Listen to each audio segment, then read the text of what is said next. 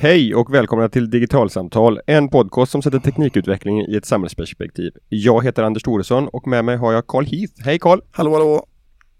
Idag tänkte vi prata om den IT som vi använder privat men kanske framförallt på, på jobbet och vem som egentligen har inflytande över vilka IT-lösningar vi använder. Um, vi ska prata lite om, om uh, maktförhållandet mellan IT-avdelning och, och användare bland annat. Eller hur? Jajamän. Eh, det är väl planen. För, alltså, väldigt mycket så är det så att IT, de, om man liksom ser det i ett kanske 30-årsperspektiv eller något i den stilen, så har det gått från att vara liksom stordatasystem till att vara mobiltelefoner i fickan. Och eh, den teknik vi använder har kommit att bli allt mer personlig för oss hela tiden. Och i konsumentområdet så har ju de tjänster vi använder gradvis kommit att bli allt mer användarvänliga och lätta att förhålla sig till. Och vi har som konsumenter börjat få upp ögonen lite grann för liksom hur ett bra IT-system skulle kunna se ut eftersom vi använder dem eh, på fritiden eh, i våra telefoner eh, hela tiden. Men eh, inte sällan så är det ju så att stora organisationers IT eh, inte hänger med i den användarvänligheten. Eh, och det finns många skäl till det. Eh, varför IT-system eh, och strukturer inte med självklarhet eh, genomförs till slutanvändarens bästa i alla lägen utan där man har olika perspektiv. Och det här är ju en resa som har pågått ganska länge. Från eh, liksom ADB-kontorens tid på, på 1980-talet till eh, eh 1990-talets IT-avdelningar där liksom IT väldigt mycket var en teknisk fråga, eh, ganska långt borta ifrån en slutanvändare. Men där vi fram till idag liksom slänger oss med begrepp som Chief Digital Officer i en organisation eh, och där man liksom ser att digitalisering i en verksamhet är någonting som inte bara handlar om tekniken utan också användarna och hur vi kan skapa ett tydligare och bredare användarfokus och användarperspektiv i våra organisationer. Men att det också kräver ny kompetens, nya insikter och eh, en, eh, ett förändrad process i, i verksamheten helt enkelt. Ett, ett begrepp som diskuterades ganska mycket för ett par år sedan och som kanske inte har riktigt lika stort fokus längre, det är ju det här bring your own device. Att, att de anställda i en organisation helt enkelt tog med sig egna prylar eller egna tjänster till arbetsplatsen därför att de upplevde att de sakerna som de själva hade köpt eller de tjänsterna som de själva valde att använda fungerade väldigt mycket bättre än de tjänsterna som arbetsgivaren tillhandahöll och därför valde man att jobba med sina egna prylar och tjänster som man var bekväm med och tyckte fungerade som, så effektivt som saker och ting borde fungera.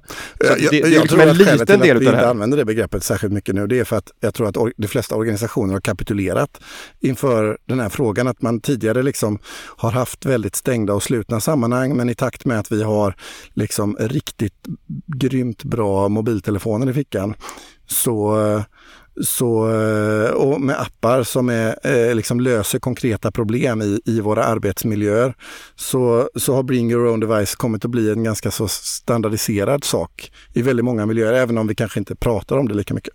Mm. Det, det, här som, som vi tänkte prata om idag, det tar sig uttryck på, på flera olika sätt, men ganska ofta så tror jag att det här grundar sig i eh, en, en användare som har en förväntan på hur någonting ska fungera, som inte fungerar så som man förväntar sig, och sen, men kanske inte är särskilt tekniskt kunnig. Och sen finns det någonstans en, en väldigt tekniskt kunnig person som eh, inte riktigt har, har insett att det här problemet finns eller inte är benägen att, att ta till sig. Jag, jag har ett superkonkret exempel från bostadsrättsföreningen där jag bor. Det här, det här är liksom helt frikopplat egentligen från, från arbetsplatser och så vidare. Men, men jag tror ändå att det här är ett ganska symptomatiskt exempel på hur, hur det kan gå till. Där, där en av mina grannar Eh, i 18 månader har brottats med att hennes trådlösa nätverk i lägenheten inte fungerar så som hon tycker att det borde göra. Hon kan inte jobba hemifrån som hon vill därför att internetförbindelsen försvinner och så vidare. Och hon har i flera omgångar pratat både med, med den firman som hjälper till med, den, med förvaltningen utav våra fastigheter och också utav med internetoperatören. Och den frågan hon har ställt har varit att ja, men routern, den trådlösa routern står inne i proppskåpet bakom en metalllucka. Kan inte det vara ett problem? och de svaren som hon har fått är hela tiden nej, det är inte ett problem. Eh, prova att starta om, det klassiska lösningen på alla problem, det vet vi ju. Ehm, eh, de, internetleverantörerna har varit där och bytt ut routern. Och till slut så kom den här frågan fram till mig på omvägar att, att jag fick reda på att hon hade det här problemet. Och vi hade samma problem när vi flyttade in för ett och ett halvt år sedan. Och jag flyttade med en gång ut routern ur det här avskärmade skåpet och, och, fick täckning i hela, i hela bostaden. Så det tog mig fem minuter att gå hem till henne med en extra ethernetkabel för att kunna flytta ut routern ur skåpet och se till att hon hade internettäckning i hela sin, sin bostad. Och där hon helt uppgiven efteråt då säger ja, alltså, men jag har ju frågat det här jättemånga gånger, men de har sagt att det inte kan vara ett problem.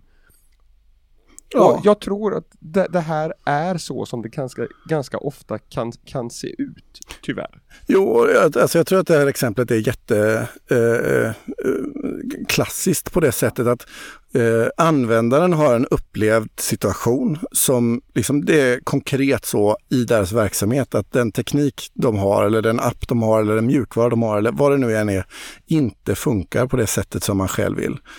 Eh, men där man har tillräckligt med kunskap för att kunna förstå att det borde rimligen finnas en bra lösning på detta. Men där den typ av support man kan få inte stödjer det eller där man anser från den tekniska sidan att det är användaren som har, eh, har fel. Eh, utan att man bemödar sig med att faktiskt ta reda på vad användarens förutsättningar och behov är. För det är ju ganska mycket så, i det här fallet är det också väldigt tydligt att du gjorde ju helt enkelt så att du prövade. Du iterativt testade. Vad händer om vi tar ut routern ur det här skåpet och förlänger med... Och så ser man ju direkt effekten. Det mm. hade ju eh, fastighetsägaren eller eh, teknikleverantören också kunnat göra. Istället för att direkt avfärda det hela hade de kunnat ägna fem minuter åt att pröva om den här hypotesen stämmer och antingen avfärda den eller bekräfta den. Och då hade saken Absolut. kommit till dagens ljus. Va? Men istället mm. för att fråga användarna så utgår man ifrån att man har all den kunskap som krävs för att kunna fatta ett fullgott beslut. Och det är oftast här, just precis i den brytpunkten som saker och ting blir eh, knepigt. Alltså där den tekniska förvaltningen eller strukturen har en föreställning om vad som är det rätta för användarna utan att man faktiskt tar reda på i verkligheten vad som är grejen. Jag kan ta ett par andra exempel för att illustrera det hela.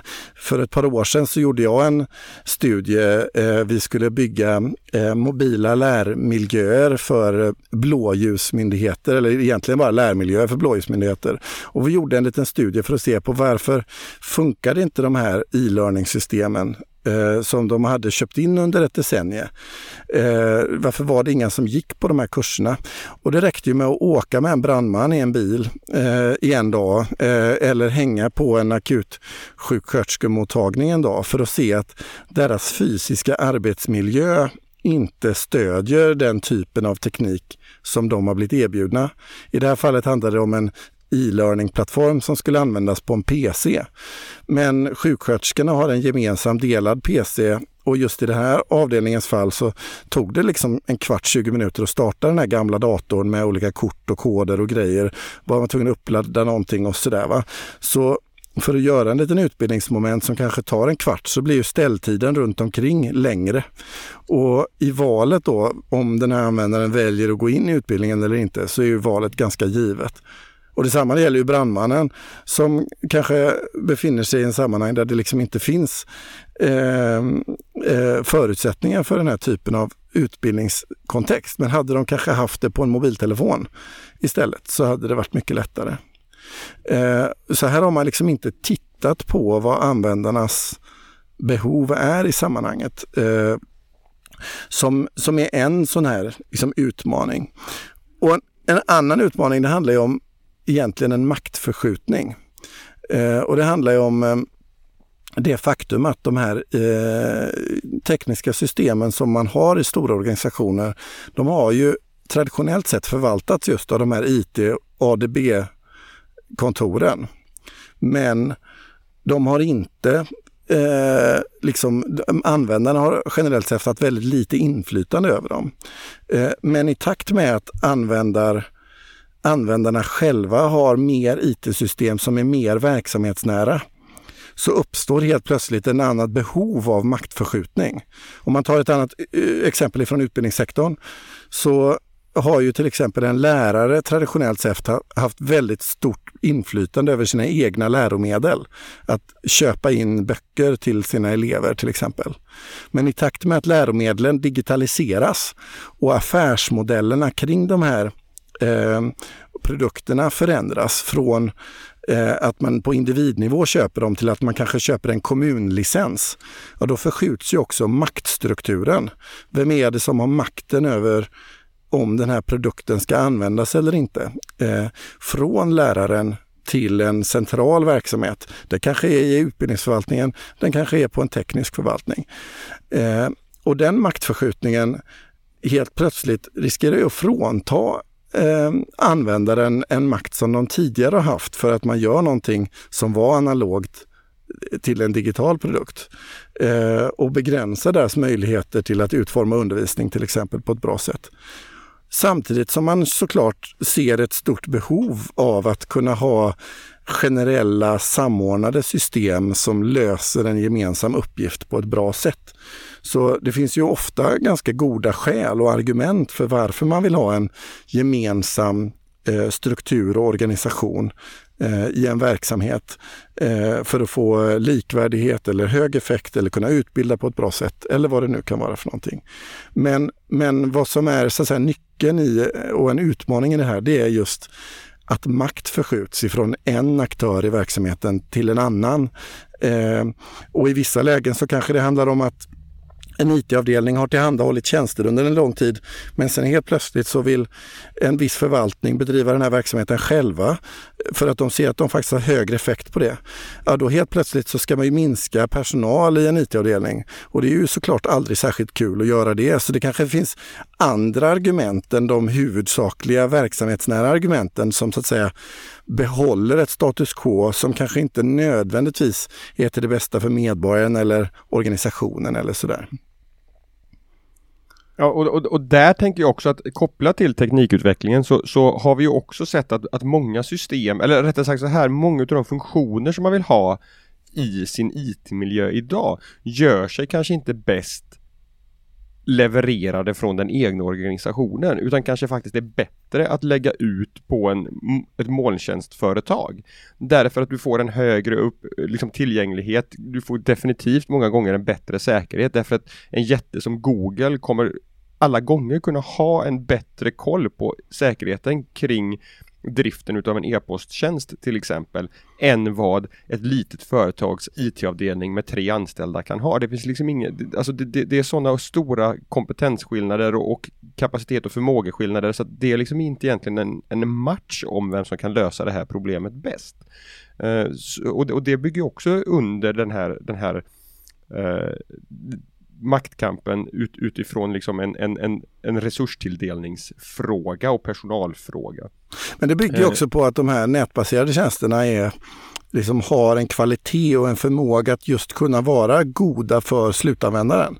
Där har mm. vi ju mm. liksom eh, goda exempel tycker jag från liksom många av de här stora plattformsleverantörerna som faktiskt har lyckats leverera på det. Så tar man liksom, det finns ju anledningar till varför folk använder Gmail till exempel. Det är för att man upplever att den tjänsten eh, funkar i min vardag och är lätt mm. att använda och vad det nu kan vara för någonting. Eller Facebook eller vad det kan vara. Som löser ett konkret vardagsbehov för mig på något sätt. Va? Men sen finns det ju många exempel på eh, storskaliga system som inte har det här slutanvändarperspektivet utan mer har ett slags eh, behov av att allomfatta en verksamhet och där man mm. kanske inte tittar till slutanvändarens bästa utan man ser till eh, när man köper in de här systemen att man liksom inte vill ha 18 000 lösningar utan en stor. Och ett sådant stort exempel Eh, och det finns väldigt många men det här är aktuellt för att jag in, bara häromdagen fick ehm, eh, en, ett litet brev ifrån en vän till mig som är officer i Försvarsmakten. Och Försvarsmakten de har ett stort system som bygger på en tysk leverantör som heter SAP. Eh, och systemet heter Prio. Och Prio är ett slags liksom allverktyg i Försvarsmakten där man kan eh, beställa saker och göra semesteranmälningar och boka tågbiljetter och vad det nu än kan vara så ska, Eh, om man hårdrar det hela lite, så kan man säga att liksom prio är det som ska lösa det här. Eh, och det gör ju att prio blir liksom en central del av eh, många officerares vardag. Och man går då också utbildningar då för att lära sig att hantera det här systemet. Och när man då hör den här officeren berätta då, han är på kurs och skriver av sig lite granna under kursen. Eh, när man hör hans liksom, syn på det här systemet så kan man ju någonstans direkt förstå att det här systemet inte är designat kanske för användarnas bästa i slutläget. Jag tänkte bara läsa upp några rader här som eh, illustrerar utmaningen på ett eh, eh, ganska så målande sätt. Officeren skriver Jag roas inte bara av de små sakerna i livet. Jag roas även av de små sakerna i prio. Till redan identifierade muntrationer hör att man som anställd kan ansöka om att bli avstängd. Man använder bara samma rutin som vid semesteransökan men man väljer en annan kod. Vidare kan man själv anmäla sig ogiltigt frånvarande vid arbetstidsregistreringen. Man kan givetvis med fördel kombinera de här två funktionerna för det ena ger ju i någon mening faktiskt det andra. I att göra-listan finns det en knapp för att lägga till uppgifter, varför nu någon vid sina sinnesfulla bruk skulle ta på sig mer arbete. I det så kallade reparationsspåret kan man skapa en ny skada med hjälp av en särskild rutin. Med hjälp av massändring kan man med några enkla knapptryckningar å andra sidan ta bort milslånga reparationsköer. Ordet för dagen står dock den kvinnliga prioläraren för.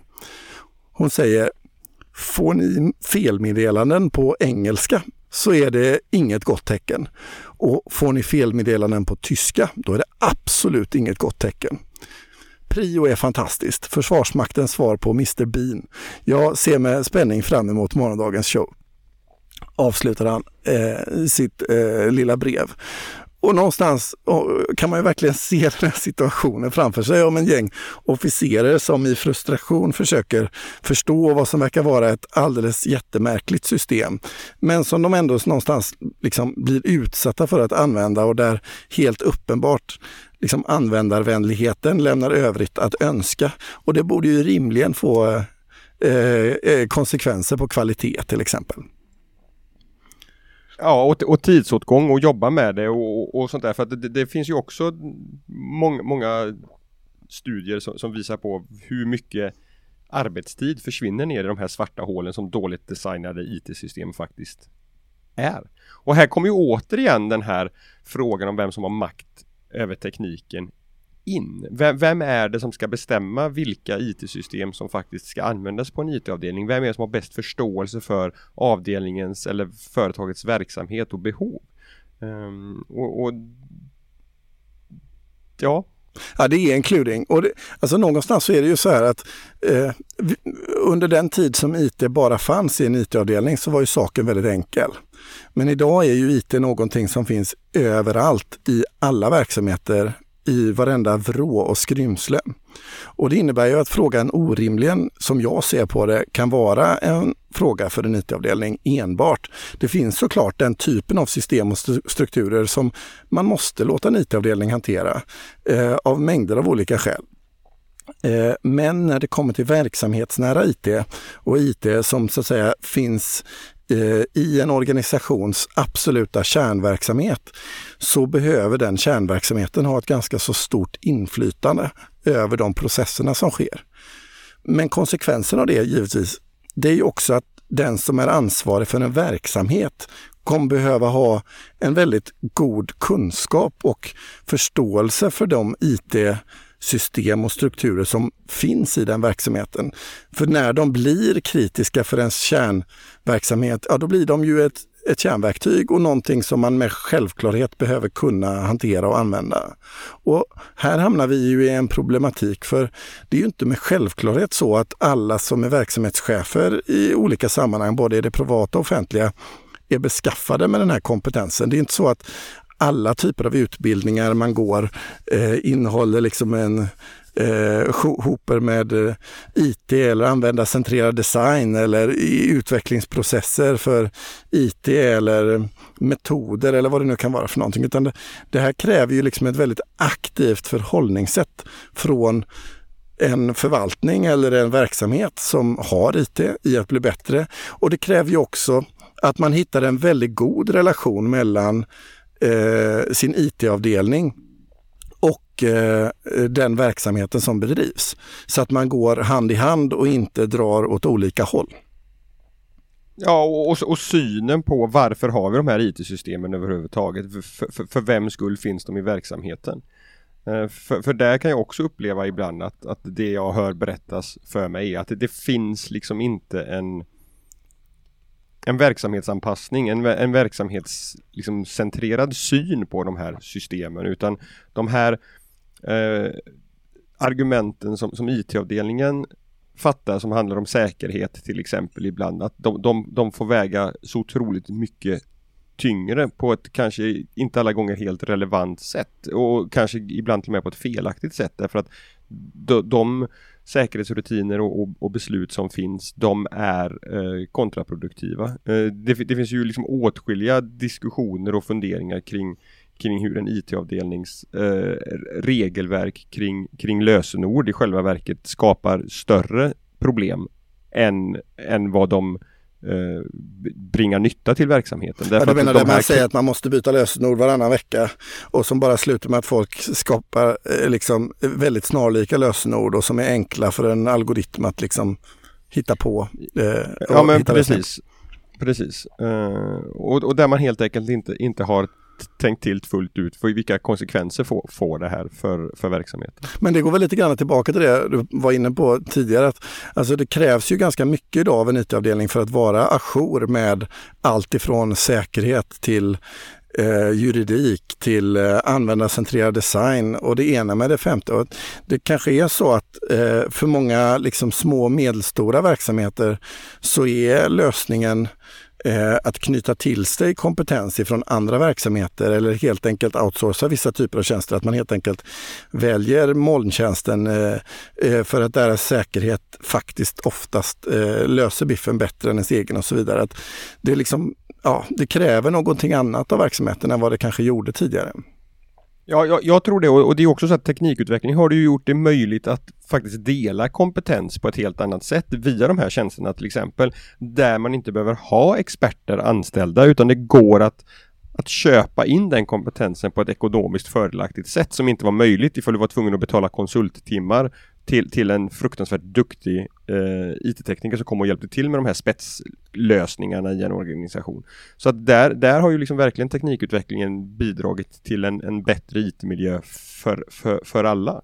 Men jag menar, det, man måste ju ändå säga det att liksom utvecklingen liksom förpliktigar åt många olika håll. För jag menar, eh, även om det nu är på det viset att eh, både du och jag i det här fallet liksom är för liksom ett verksamhetsnära IT-förhållningssätt och där man sätter användaren och personens behov i centrum, så innebär ju det också, liksom, det sättet att tänka på får ju också konsekvenser för Eh, eh, den verksamhet det handlar om. Att de måste faktiskt jobba med de här frågorna på ett systematiskt och långsiktigt sätt och inte stanna upp eller bli nöjda. Nu har vi gjort det här och så bockar man av det så är det klart sen. För människor kommer ju och går och den här typen av kunskap är ju otroligt mycket färskvara också.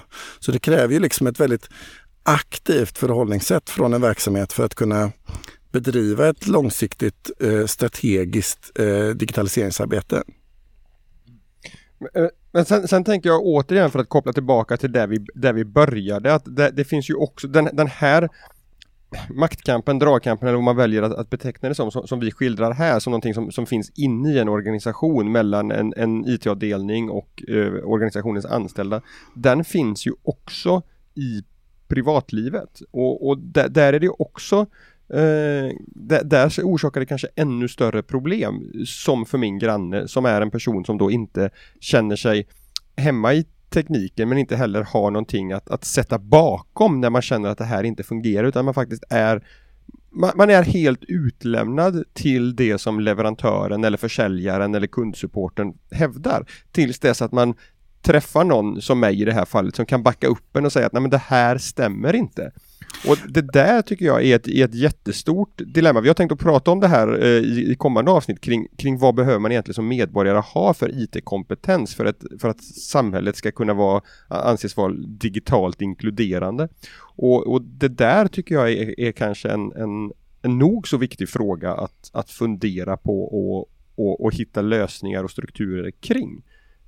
Nej men verkligen. Och, och alltså det är ju svårt för folk att flytta in i din bostadsrättsförening och få dig som granne eh, och hitta den lösningen. Utan det kräver liksom att man jobbar eh, på systemnivå eh, för att hitta lösningen för alla eh, medborgare att kunna bli digitalt delaktiga på ett eller annat sätt, vare sig man är liksom gammal eller ung eller eller nyligen hitflyttad eh, liksom med annan kunskapsbakgrund eller vad det nu kan vara för någonting. Och, och någonstans eh, om man sitter i en verksamhet, jag tänkte avslutningsvis, så eh, en bok på temat eh, som eh, jag själv har läst eh, med behållning eh, mer än en gång till och med. Det är Jonas Söderströms eh, utmärkta bok Jävla skitsystem. Eh, som ger en faktiskt lite grann av eh, eh, det språk som man kan behöva när man ska möta och ha ett samtal med en IT-avdelning eller en chef kring digitalisering eller vad det nu än månne vara. Eller i, man står inför att man ska upphandla nya system eller vad det kan vara, så, så kan jag inte nog rekommendera eh, Jonas eh, bok och tillhörande blogg ska vi väl säga, eh, som eh, samlar argument och eh, eh, målar ut eh, det här området på ett, eh, på ett riktigt eh, värdefullt sätt får jag säga. Så det är en stor behållning. jävlaskitsystem.se kan man hitta den på också. Iväg och läs den. Och i nästa vecka som sagt så fortsätter vi den här diskussionen fast mer ur ett medborgar och individperspektiv. Om du har gillat det här samtalet så får du jättegärna gå in på iTunes och likea oss där, ge oss ett högt betyg. Um, om du vill fortsätta diskussionen kring de här frågorna så finns både jag och Karl i Facebookgruppen Digital samhällskunskap. Podden har en egen Facebooksida som heter Digitalsamtal och en Twitterkonto på digitalsamtal och en webbplats på digitalsamtal.se och kopplat till den domänen kan man också mejla till oss på podcast digitalsamtal.se. Eh, men med det, ta det lugnt ute i cyberspace och så hörs vi om en vecka igen. Hej så länge! Hej!